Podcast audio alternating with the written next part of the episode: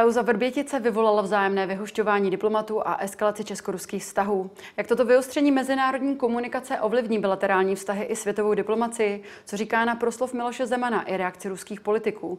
A jak na dramatické dění v Česku nahlížejí naši krajené v Americe? Nejen o tom budeme hovořit s českým velvyslancem ve Spojených státech amerických Hinkem Kmoníčkem. Já jsem Pavlína Horáková. Vítejte v dnešním epicentru.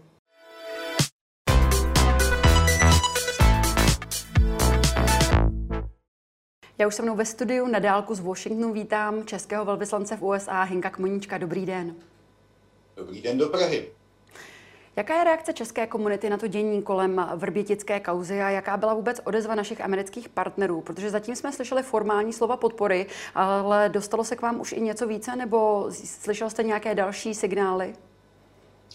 Tak eh, ta americká podpora postupem času rostla. Já musím říct, že po té vlastně úvodní tiskové konferenci našeho premiéra, prvního vicepremiéra, v tu chvíli ministra zahraničí, eh, byla americká strana chvíli ne úplně zaskočena, ale rozhodně překvapena tím, jak velkou a rychlou dynamiku ta situace dostala. Takže i když se nám dostalo, eh, tak jak jste správně říkala, slovní podpory a veškerých ujištění o vzájemné podpoře a zesilování našeho stanoviska, tak eh, já jsem měl trošku pocit, že bychom se tam mohli dostat i k nějaké vyšší formě podpory. Eh, a zhruba v polovině minulého týdne se to podařilo, protože eh, američané byli na začátku eh, trošku váhaví v jedné věci, že typicky ruská rétorika byla, Češi to dělají, protože to po nich chtějí američané. To nedělají Češi sami ze sebe. Hmm. To já mohu celkem jasně vyloučit, protože to nebylo tak, že já bych dostával informace z americké strany, co mám dělat, ale já jsem naopak informoval americkou stranu, co my jsme už udělali a co bychom od nich potřebovali z druhé strany. A američané se nakonec dostali do stavu, kdy jsem jim říkal, podívejte, Rusové pořád říkají, že to děláme kvůli vám. Tak jim to řekněte, jestli je to kvůli vám. Mm. A e, koncem minulého týdne jsme se tedy od slovní podpory dostali již do fyzické, protože v téhle chvíli ruský velvyslanec je stále ještě na mnoha měsíčních konzultacích zpátky v Moskvě, takže tady ve Washingtonu Ruskou federaci zastupuje Charge d'Affaires a State Department se rozhodl, že si ho kvůli nám, jenom kvůli nám specificky předvolá. Eh, a následovala krásná čtvrteční šaráda, eh, kdy se můj ruský kolega snažil být nepředvolán. To znamená, že by to vyměnil za telefon, nebo potřeboval instrukce, nebo, nebo se bál covidu. V každém případě to trvalo skoro 48 hodin, než eh, se tedy podařilo, že navštívil americké ministerstvo zahraničí, kde si od americké strany vyslechl, to, co je realita, že prostě my informujeme je, nikoli opačně, a že čím více bude Rusko používat narrativ, že je to celé americká hra, tak tím více z toho v konci může taky americkou hru udělat. Mm-hmm. Takže si vlastně jakoby na sebe přivolá čerta, kterého viditelně bere velmi vážně. Eh, no, v téhle té chvíli očekáváme, že se ta situace na obou stranách značně uklidnila a doufáme, že to, že američané ukázali, že jsou ochotní udělat ne něco, co je výhodné jenom pro ně a občas také vedle toho pro nás, ale něco, co bylo primárně v našem vlastním zájmu a americký vlastní zájem tam nebyl příliš velký, protože tohle přichází ve chvíli, kdy prezident Biden jasně zavelel, že nyní přijde deeskalace vztahů eh, s Ruskou federací a v tu chvíli do toho přišla kauza Vrbětice, čili americké diplomacii se to ale opravdu, ale opravdu časově nehodilo. Přesto z důvodu eh, našich dobrých kontaktů a vztahů tady se nám je podařilo dostat k tomu, že já si nepamatuji historicky, kdyby si jedna velmoc předvolávala druhou, aby vysvětlila něco, co se týče nějakého výbuchu v nějaké české vesnici. Překvapilo vás to? Eh, překvapilo mě to milé, protože jsem eh, po dlouhé době několika let zaznamenal zase takovou úroveň česko-amerických kontaktů, že jsme v podstatě byli v kontaktu se State Department a Národní bezpečnostní radou několikrát za den. A jak říkám, postupně se ta americká, eh, americká aktivita zvyšovala od formy mluvčí, řekne hezký statement, až do formy prostě koordinace přímé akce. Takže to, to mě milé překvapilo, musím říct, protože jsem v tom eh, neviděl ten běžný diplomatický trade-off, jak bychom řekli, prostě ten výměný obchod, eh, ale eh, viděl jsem na tom to přesvědčení, že si uvědomují, že nám v této chvíli je potřeba alespoň, řekněme, nepřímým způsobem pomoct a jsou k tomu ochotní. A to pro nás znamená poměrně hodně, protože to nám říká ne, jak vypadá diplomatická, diplomatický stav relace, kde se všichni smějí, vyměňují si krásná prohlášení, až při, a když přijde na lámání chleba, tak už je najednou nikdy neuvidíte. Tohle byl přesně ten okamžik, který vytváří prostě tu dlouhodobou důvěru mezi oběma partnery, že se na sebe mohou spolehnout i tehdy, když se jeden dostane do situace, která se druhému ale opravdu časově nehodí, ale přitom je nám třeba pomoci. Hmm. Když se podíváme na to vzájemné vyhošťování diplomatů mezi námi a Ruskem, my jsme tady vyhostili 18 ruských diplomatů, Rusko v odpovědi vyhostilo 20. Následovalo české ultimátum, na které Rusové ale nereagovali. A ministr zahraničních věcí Jakub Kulhánek pak oznámil, že tedy zastropuje, tím pádem sníží počet diplomatů a administrativně technických pracovníků na ruském velvyslanství, velvyslanství v Praze podle tedy současného stavu na české ambasádě v Moskvě. Jaké dopady těchto rozhodnutí můžeme tedy v budoucnosti očekávat? Tak to je, teďka to bude velké věštění, protože samozřejmě záleží na tom, jak budeme počítat počty eh, diplomatů, kolik do nich započítáme. Ty, ty dvě služby jsou, česká a ruská diplomatická, jsou hodně nesrovnatelné v tom, že my například využíváme služeb vlastně místních eh, zaměstnanců, že zaměstnáváme v Rusku Rusy, v Americe Američany, aby sloužili na české, aby na české ambasádě.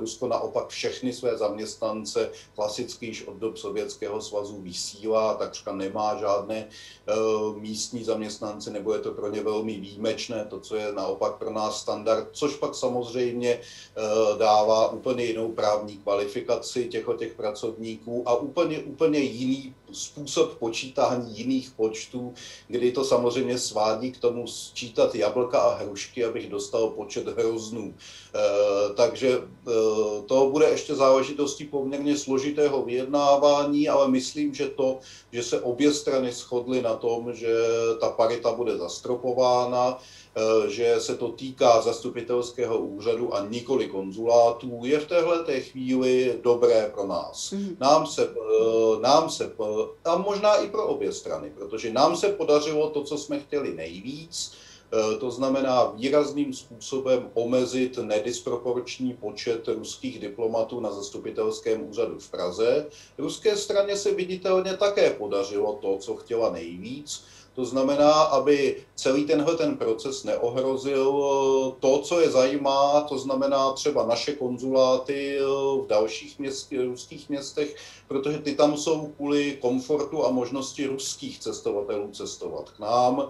Eh, z druhé strany oni, oni u nás mají poměrně velkou komunitu, hlavně studentů a Rusů dlouhodobě žijících u nás, čili to je prostě komfort jejich vlastních voličů, který si tam také zcela logicky chtěli, chtěli zabezpečit, čili mně to přijde jako dobrý kompromis. Mm-hmm. Možná až překvapivě dobrý, a co v něm doopravdy bude, uvidíme, až začneme počítat. Vy máte právě velvyslanecké zkušenosti nejen ze Spojených států amerických, ale také z Indie nebo Austrálie. Dovedete si právě představit, jak bude vypadat chod České mise v Moskvě jen se sedmi diplomaty? Nakolik bolestivá je podle vás právě redukce počtu místních spolupracovníků nebo pracovníků?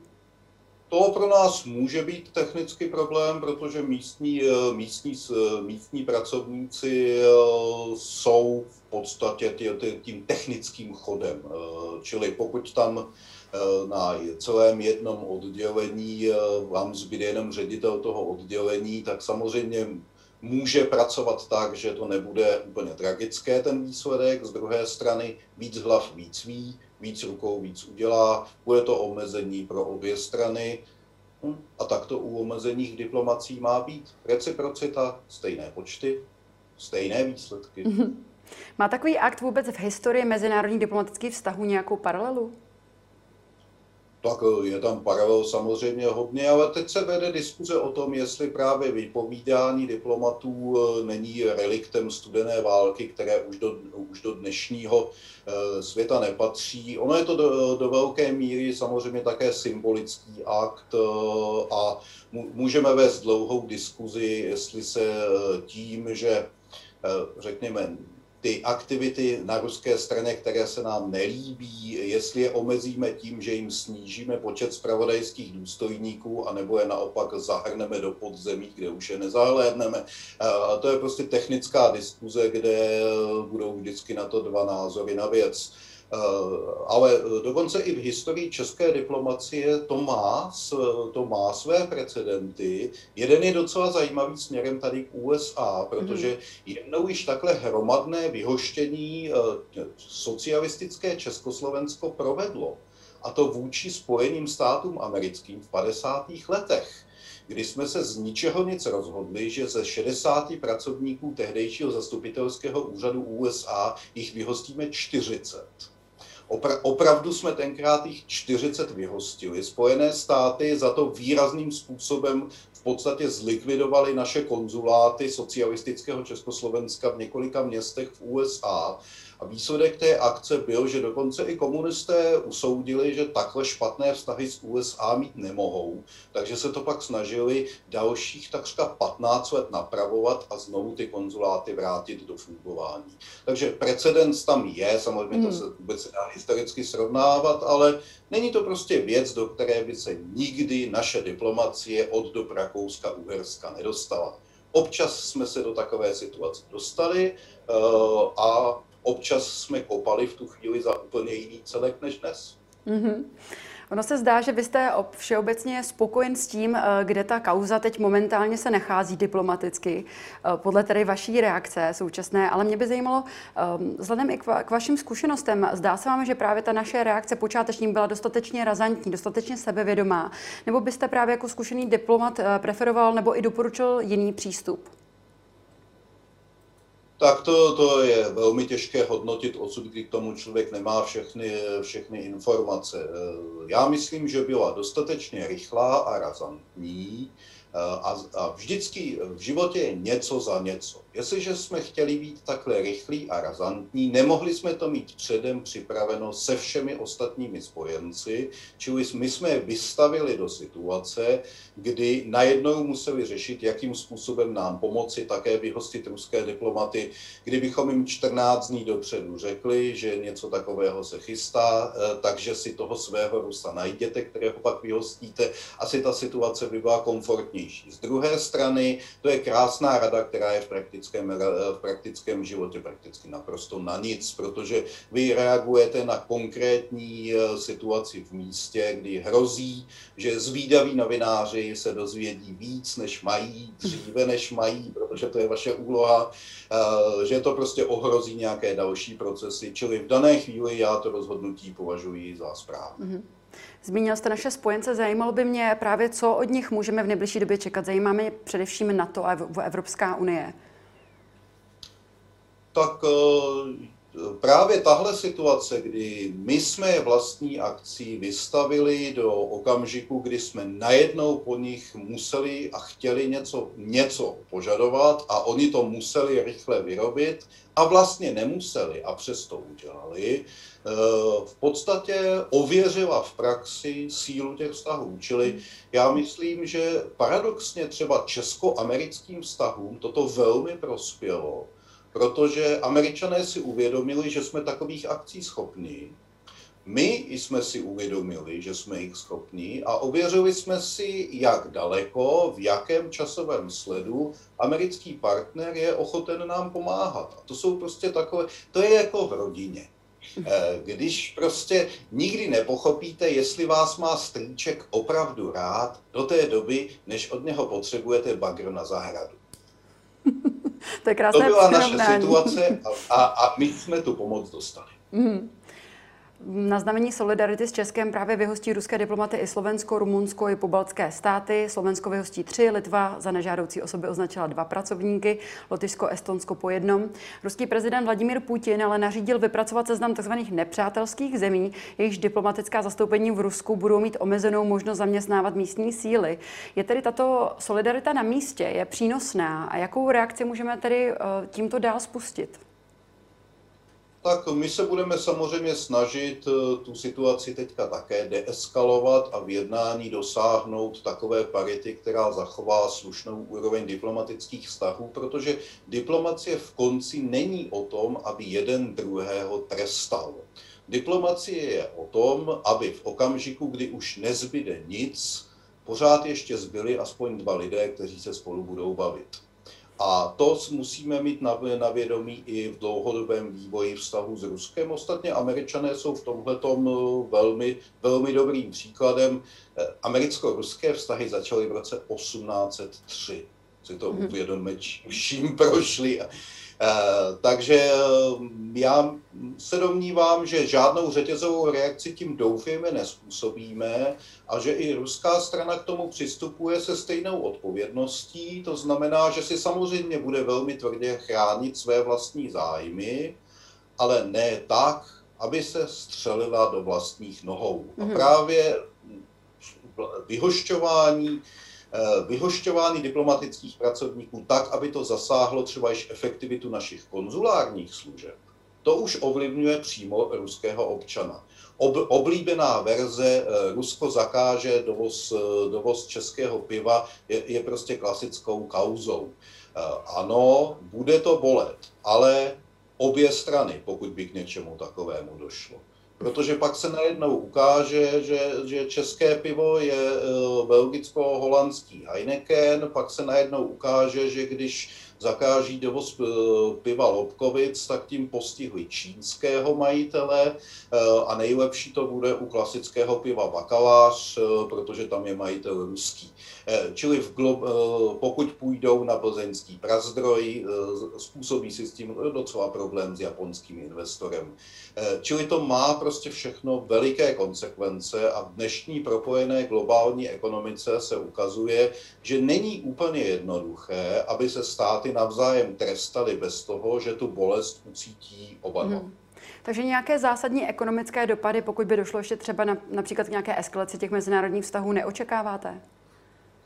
Eh, neočekávám takové ekonomické dopady, aby významným způsobem eh, změnili naši bezpečnostní situaci. Klasická je prostě ukáz, ukázka toho, že v téhle chvíli Rusko v podstatě není v situaci, kdy by mohl například omezit dodávky ropy a plynu do České republiky. Mm-hmm. Protože my v podstatě celou naši spotřebu již dávno bereme na komoditních trzích, kde molekula prostě nemá národnost. Eh, a kupujeme je tam, protože jsou tam prostě levnější, než je koupit od Ruské federace. Takže i tenhle ten příklad jasně ukazuje krom jiného to, jak daleko jsme se ekonomicky a mentálně posunuli z ruského orbitu a jestliže prostě před nějakými 35-40 lety eh, by pro nás jaký konflikt s tehdejším sovětským svazem znamenal ekonomický kolaps poměrně rychle, tak v téhle chvíli máme docela hodně volné ruce. Myslím, že třeba probíhající tender na jaderné palivo je, je klasická ukázka. Ano, Rusové mohou předat, eh, předat eh, nebo mohou odstoupit z jednání o dodávkách jaderného paliva, takže tam zbyde jenom americký dodavatel. No, chtějí američanům takhle pomoct? Mm-hmm. Pojďme se přesunout na dění u nás v Čechách. Prezident Miloš Zeman se celý týden k aktuálnímu dění eh, nevyjadřoval. Eh, jeho nedělní vyjádření však vyvolalo vážně, vášnivé diskuze. Zajímalo by mě, jak jste jeho projev hodnotil vy? Tak já jsem se samozřejmě díval a bylo mi celkem jasné, že to bude hlavní vnitropolitická záležitost což se také ukázalo být hlavní vnitropolitickou záležitostí. A jedna z mála výhod toho, kdy je člověk velvyslancem, je to, že ze zásady nemá komentovat vnitropolitické záležitosti. No a vidíte, a teď na, naštěstí, nebo ne naštěstí, ale jeho, jeho slova získala velkou, velký zájem právě i v Rusku, takže už se dostáváme i mimo té hrani, ty hranice. Ruská média slova českého prezidenta vyzdvihují, a to zejména to, že neexistují důkazy podle jeho slov, že ruští tajní agenti byli v muničním skladu, kde došlo k těm výbuchům. Zde jsou slova šéfa zahraničního výboru státní dumy Leonida Sluckého. Prohlášení prezidenta Zemana dokazuje, že Praha neměla skutečné důvody a důkazy pro obvinování Ruska, natož pro vyhoštění diplomatů. Tyto akce posloužily k zastření informací a odvrácení pozornosti světa od pokusu o převrat v Bělorusku. Dala také uvedl, že by se Česko mělo Rusku omluvit za zhoršení vztahů. Co říkáte tedy na ruskou reakci? A myslíte si, že prezident Zeman svým projevem skutečně pomohl k narovnání tohoto konfliktu? Ne, nepomohl naopak k tomu, že eh, bude dávat prostor k tvorbě určitých dezinformací? Tak na eh, druhou vaši otázku musím odpovědět svojí první odpovědí. To je vnitropolitické hodnocení toho, já se z principu profesionálně nesmím dopustit. Mm-hmm. A, co, a co se týče hodnocení ruské, ruského stanoviska, vám to nepřijde jako trošku zoufalý výrok? Zastření, zastření pokusu o převrat v Bělorusku?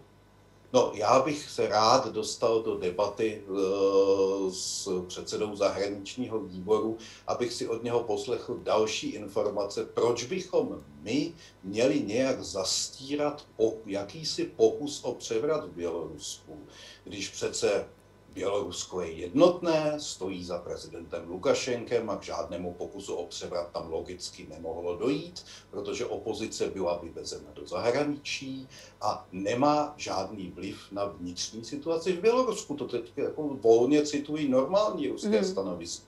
A ve chvíli, kdy začnete popírat svoji vlastní propagandu, protože to zrovna potřebujete použít na něco jiného, je to zajímavá hm, informačně zaměřená nouze. Nevím, jak bych to intelektuálně hodnotil, ale baví mě to. Mm-hmm.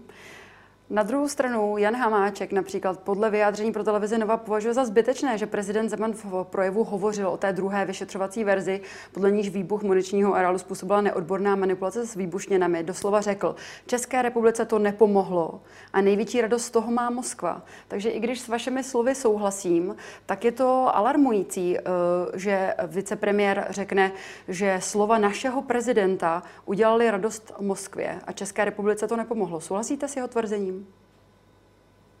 Eh, jako diplomat musím souhlasit s tím, že Miloš Zeman měl plné právo říct to, co řekl a všichni hmm. ostatní mají plné právo to hodnotit tak, jak sami si rozhodli, že to hodnotí. Jediný, kdo to právo nemá, protože by působil jako člověk, který nerozumí vlastní profesi, je, dipl- je český diplomat zahraničí, který musí přece reprezentovat oba ty názory současně. A to by mě právě zajímalo, jakým způsobem se pro vás prezentují tato slova pana eh, prezidenta. Eh, I vzhledem k té podpoře eh, Ameriky, o které jsme hovořili na začátku, jestliže se prezident vyjádřil tímto způsobem, nejde si to trošičku proti sobě? Když se mě na tuhle otázku zeptá americká strana, zcela jistě se jí pokusím vysvětlit prezidentův pohled na věc, který vychází viditelně z toho, že se snaží získat všechny možné typy informací a dostat se do, řekněme, takového stavu vyšetřování, kdy všichni si mohou být jistí stoprocentně tím, čemu v tomto okamžiku věří, že tomu budou věřit ještě za nějaké další dva až tři roky. To, jestli je to ideální strategie v tuhle chvíli v nějaké jiné hře, o tom je právě to hodnocení. Připomeňme si, že jste šéfoval zahraničnímu odboru Hradu. Dokážete našim divákům přiblížit, jak podle vašich zkušeností probíhá příprava prezidenta na taková zásadní prohlášení? Je Miloš Zeman člověk, který hodně naslouchá, nebo už má o svém názoru víceméně jasno a není zde prostor pro nějakou další diskuzi? Je to člověk, který má dlouholeté zkušenosti, ale řekl bych, že v první řadě dělá něco, co není typické na české politické scéně, on strašně moc čte. Mm-hmm. Takže eh, pokud považujeme četbu za způsob naslouchání, pak ano. Čili uh, myslím, že se prezident nijak nezměnil v tom, že předtím, než pronese nějaký podstatnější projev ze svého pohledu, uh, tak si vyžádá velké množství materiálu a opravdu je poctivě přečte. A v době, kdy jsem byl na hradě, tak jsme se o těch materiálech pak spolu diskutovali mm-hmm. a oba jsme se snažili vyhrát. Před eh, zveřejněním kauzy Vrbětice došlo k odvolání ministra Tomáše Petříčka. Jeho nástupcem se měl stát současný ministr kultury Lubomír Zaorálek, ten ale tuto pozici odmítl. Jak hodnotíte to načasování? Myslíte si, že vůbec to byl dobrý tah od Jana Hamáčka vyhodit Tomáše Petříčka s vědomím toho, že se chystá diplomatická válka? Myslím, že tam, že se k tomu i sám vyslovoval tak, že eh, tam vlastně nebyl vůbec žádný spoj. Eh, to je prostě ukázka toho, že kauza Vrbětice se objevila ve chvíli, kdy nejméně, nejméně potřebovali američani, ale i z pohledu ministerstva zahraničí a připravovaných změn to vlastně přišlo do, do té fáze, která byla diplomaticky nejobtížnější. A to byl prostě výsledek sjezdu ČSSD, mm-hmm. nikoli výbuchu ve Vrběticích. Mm-hmm. Jaké máte vy dosavadní zkušenosti s novým ministrem zahraničních věcí Jakubem Kulhánkem? Přece jenom do role šéfa rozortu se vstoupil v dosti komplikované situaci. Je podle vás dostatečně vybaven diplomatickými zkušenostmi, nebo se byste se přiklonil k názoru bývalého prezidenta Václava Klauze, který eh, se zmínil o něm, že je to naprosto juniorní člověk, o kterém nikdo nikdy neslyšel?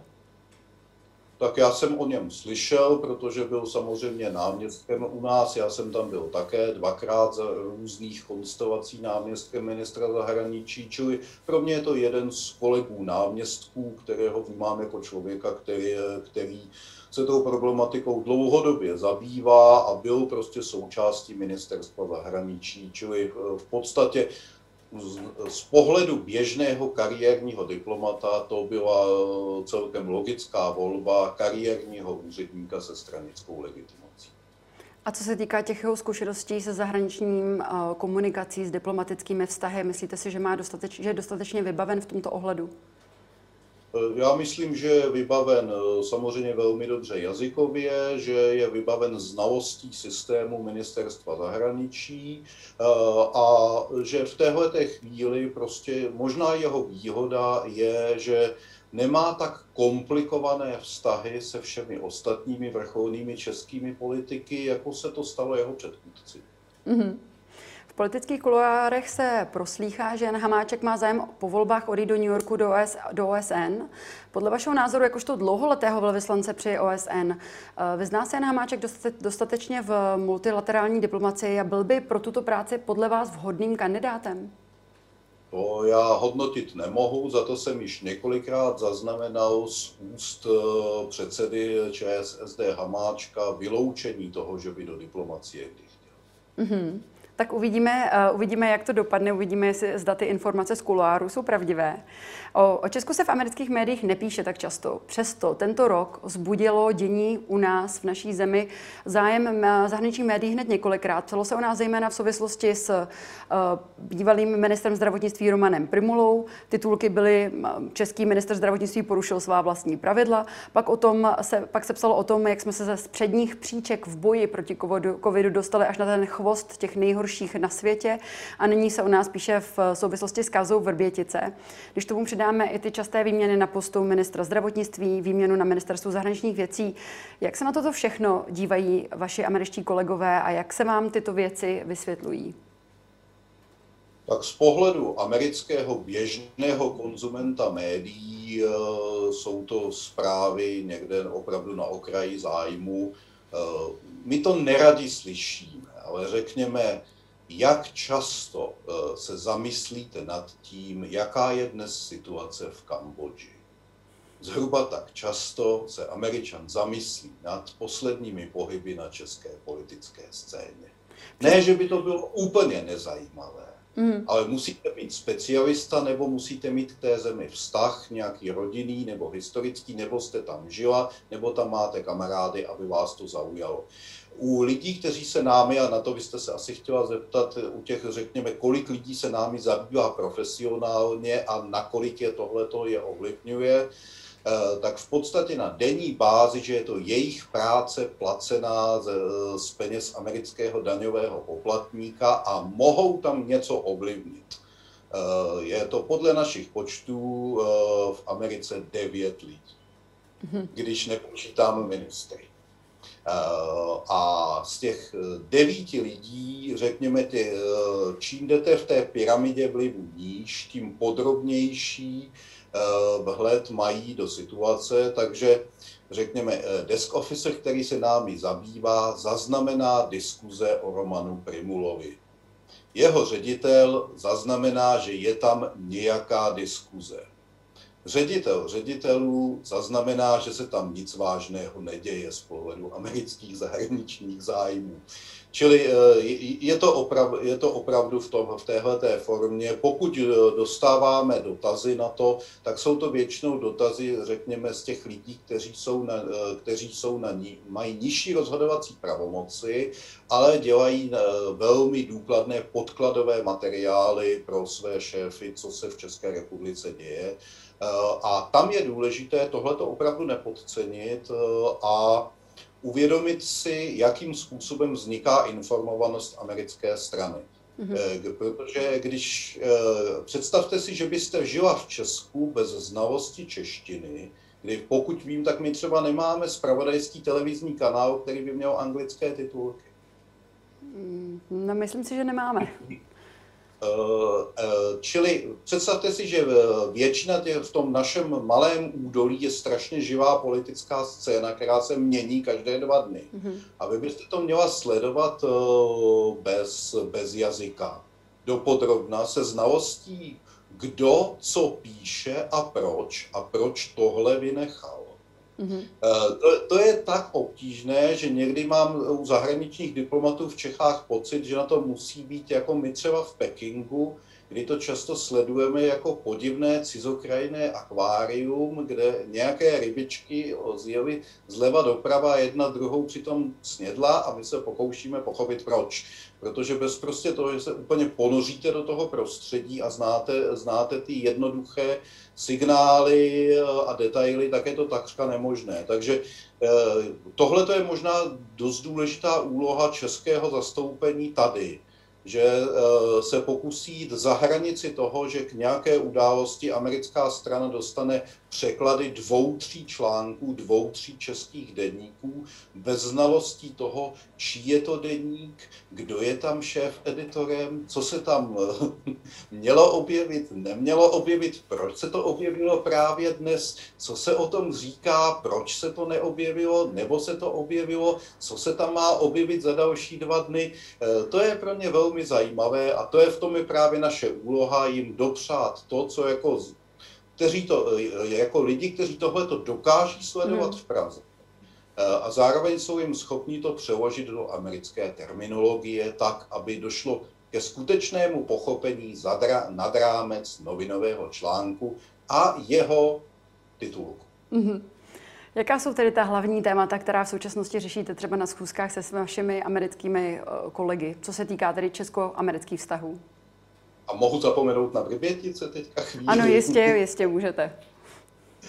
Eh, tak v téhle chvíli eh, je, jsou to samozřejmě témata v oblasti obrany, čili probíhající na, naše kontrakty, Eh, v oblasti energetiky je to samozřejmě připravovaný tender na Temelín, je tam eh, na agendě je poměrně velké množství malých technických věcí, které mají řešit úředníci, kteří sami sebe nemohli navštívit kvůli, pandemi, eh, kvůli pandemii a to se nedá úplně, úplně nahradit Zoomem.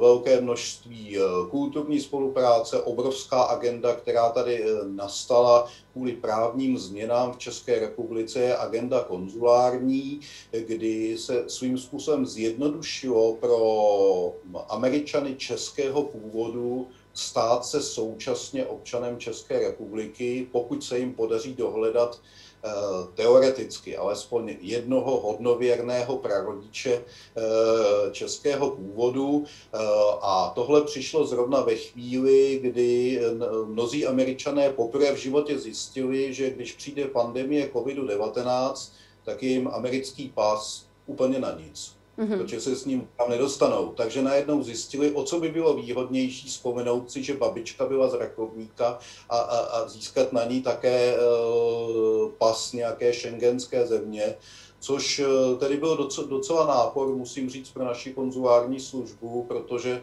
uh, možná poprvé v historii samostatného Československa a České republiky se zvýšil zájem Američanů o to státí se Čechem. To je velmi zajímavá informace, musím říct. Vy jste už trošičku na to navázal. Mě by zajímalo, jak eh, vůbec ovlivnil COVID a fungování během pandemie, jak ovlivnil život eh, našich krajanů ve Washingtonu nebo vůbec v Americe. Tak to uh, hodně záleží na, tom, kde ti krajani jsou a jakého jsou věku. Hmm. Já mohu mluvit tady za Washington, kdy my tady máme velmi tradiční asociaci, kde Eh, ve vedení naší diaspory tady jsou v podstatě pánové ve věku 70+. Plus. Mm-hmm. A pro ně to v podstatě znamenalo totální uzavření se doma na, na déle než rok. Eh, a teprve, když se znovu rozeběhlo očkování, tak se trošku vrací kulturní život. Ono to tu diasporu ovlivnilo nejenom diasporu, ale třeba i rodiny našich pracovníků, kteří jsou svého druhu také diasporou. Dávám klasický příklad, když se prostě tady zavřely školy, tak my jsme najednou zjistili, že pokud budou děti doma, tak tam jeden rodič musí být s nimi a pokud tam je jeden rodič s nimi, tak není v práci na ambasádě. Eh, výsledkem čehož bylo to, že my jsme teďka tady déle než rok provozovali českou školu na zastupitelském úřadu pro více než 30 dětí, hmm. kde si rodiče sami najali americké učitele za své vlastní peníze eh, a eh, a velvyslanectví se mě změnilo v takovou, v takovou kombinaci podivné kanceláře, kde současně řešíte vyhozené Rusy a šťastné hlásky dětí všude okolo, kteří vám běhají po zahradě, protože mají zrovna přes přestávku. Mm-hmm. Zeptám se, jak je to s očkováním našich občanů v eh, USA? Jakou, jaký maj, jakou mají možnost a kde vlastně mají možnost získat nějakou vakcínu? Tak eh, to zase záleží na tom, jakého jsou věku, kde jsou a jaké, jaké jsou místní, eh, eh, místní pravidla. Třeba tady ve Washingtonu se to vlastně přístup k očkování uvolnil tak, že na začátku bylo důležité, kde máte nahlášené bydliště a teoreticky jste se musela prokázat nějakým americkým dokladem. Pokud jste žila v příliš bohatém poštovním směrovacím čísle, byla jste na konci mm-hmm. seznamu. Eh, v téhle chvíli eh, už je to tak, že když se dostavíte k očkování a oni mají zrovna rozmražené vakcíny, tak za odměnu, že jste se dostavila, ho dostanete. Uh, a když já jsem v pátek Pane dostal druhou očkování a nechtěli ode mě už vůbec žádné mm-hmm. doklady, ani, ani by si zjistil, jestli třeba nejsem ilegál. To jsem právě chtěla vidět, takže se to týká opravdu českých občanů, mohou tam přijít na to očkování, nemusí být Americi a nemusí mít ani zelenou kartu, nic podobného. Chápu to dobře. Oficiálně to, to je zcela jistě omezeno. Mm-hmm. Neoficiálně to záleží na tom, v jakém jste věku, v jakém jste právním postavení, kde zrovna jste a mhm. nakolik jste schopna mentálního stavu voják se stará, voják má. Věřím ještě jedno téma bych ráda zmínila. Věřím, že je velmi aktuální pro právě naše občany v zahraničí a to je korespondenční volba. Eh, nová verze volebního zákona s touto možností tedy zatím nepočítá. Senát by chtěl tuto možnost prosadit, ale vzhledem i k časovému tlaku se zdá, že v těchto jednáních spíše neuspějí. Jaké signály vůbec reakce od české komunity na tohle to máte? tak eh, pro českou diasporu, českou zahraniční komunitu to je dlouhodobé velké téma. Eh, oni vždycky říkají, že když jsou dvojími občany, měli by mít právo nějakým srozumitelným způsobem hlasovat eh, v obou zemích. Protinarrativ říká, a ten já jim vždycky říkám, oni si říkají, a proč to zase v České republice neprošlo? A já jim vysvětluji, protože mnoho našich občanů si myslí, eh, že by člověk měl hlasovat tam, kde žije, aby byl výsledkem svých omylů také ovlivněn. Nikoli aby udělal omily za někoho jiného a ten si je pak odtrpěl. Eh, to je takový klasický český argument, který eh, u Američanů českého původu je pochopitelný, protože jsou také ještě hodně mentálně Češi. Mm-hmm. Nicméně pokud se k něčemu takovému do budoucnosti dojdeme, což není možné vyloučit, tak to bude znamenat poměrně poměrně velký zásah do české konzulární služby, protože si to musíme představit prakticky. Eh, takový volič bude muset být eh, ve stavu, že my ho budeme mu muset do, dopravit volební lístky nějakým způsobem, nikoli americkou poštou v době covidu, která vám toho 10% pošle na jiný konec Ameriky, mm-hmm. že on nám ty volební lístky bude, bude muset nějak elektronicky bezpečně, bezpečně zpracovávat, že to budeme muset mít celou tu síť obráněno třeba před ruskými a čínskými hackery. Hmm. Je tam prostě množství technických a personálních návazností, u kterých bych byl opravdu rád, aby všichni, kteří chtějí tento způsob volby zavést, současně s tím také eh, udělali technické možnosti k tomu, aby to vůbec bylo možné a nepřipravili jsme si jenom velikou past na mamuta, do které pak s velkým hřmotem spadneme. Chápu to dobře, že vy osobně zastáncem korespondenční volby nejste?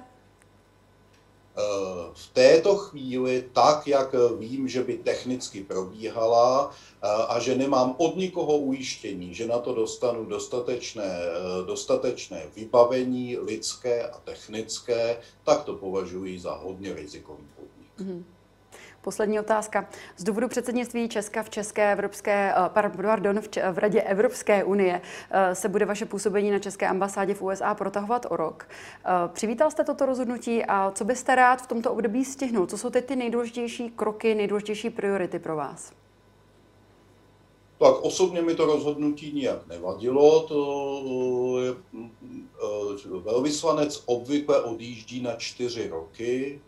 A mně se to za 20 let diplomatické kariéry nepovedlo ani jednou. E, pravidelně to je vždycky o dost delší než 4 roky, nebo o dost kratší než 4 roky, ale nějak jsem se nikdy nevešel do klasického schématu českého diplomata. E, co, co se týče priorit do konce příštího roku, tak kromě samozřejmě eh, té centrální věci, což bude naše předsednictví, které nás v té chvíli udělá v podstatě hlavními Evropany v USA, a to by nám mohlo opět výrazně pomoci i v naší bilaterální relaci s USA, protože bude podstatně větší zájem na americké straně hovořit s českými politiky a také podstatně širší obsah témat, na, který, na které s námi budou chtít hovořit. Ve chvíli, kdy předsedáte Evropské unii, tak musíte být připravena na to, že se vás americká strana zeptá, co se jako teď bude dít s probíhajícím, nadále probíhajícím sporem mezi Airbusem a Boeingem. Věřte, že nikdo z českých politiků tohle otázku zatím nedostal, mm-hmm. protože prostě pokud hovoří jenom za Českou republiku, nebyla třeba, abych dal jeden příklad. Na to předsednictví musíme být připraveni jak personálně, to znamená, že tu musíme připravit, připravit lidi, kteří jsou schopni připravovat materiály i na tahle témata, která pro nás budou nová. Eh, musíme být připraveni technicky, to znamená, že se nám nes, nesmí stát, že si při věčných, věčných eh, upgradech IT sítě nám najednou začne padat. Nemůžeme být úplně otevření jakémukoliv hackerskému útoku. Je toho prostě spousta drobných věcí, ale na té, na té česko-americké lince myslím, že to nejdůležitější, co musíme dosáhnout, je, aby Bidenova administrativa eh, opravdu splnila to, co slibuje, to znamená, že neodejde z naší části světa, že se nebude chovat jako administrativa, které tady říkají Obama 2.0, že to nebude Obama 2.3. Prostě u vás historie skončila, starejte se sami o sebe, my jsme v azijském století a potřebujeme řešit úplně něco jiného že se nám bude dařit jim vysvětlit, že tohle není v jejich zájmu, protože vidí, jak to dopadlo minule, odkud američané odejdou, přijde někdo jiný a američané se pak diví a my za to nemůžeme. My nejsme ti, kdo odešel. jaksi vzduchoprázdno v zahraniční politice nevzniká. Mm-hmm. Vzduchoprázdno je vždy někým zaplněno. Eh, a tohle bude možná ten hlavní úkol, aby ten vztah byl co nejbližší, abychom si vzájemně důvěřovali natolik, jako ukázala kauza Vrbětice, protože eh, v tu chvíli se prostě ověřilo, že je možné v půlce víkendu zavolat eh, nejbližšímu spolupracovníkovi amerického ministerstva zahraničí, který vezme telefon a začne řešit. I když volá někdo z České republiky. A pak vám ještě v neděli řekne, že vlastně je to tak dobře. Tolik velvyslanec ve Spojených státech amerických Hinek Moníček. Já vám děkuji, že jste si na nás udělal čas. Také děkuji. Naschledanou. Naschledanou. A to už je z dnešního epicentra vše. Já jen připomenu, že záznam tohoto dílu společně s těmi ostatními naleznete jako vždy na blesk.cz. Já se s vámi pro dnešek loučím a těšíme se opět zítra. Na viděnou.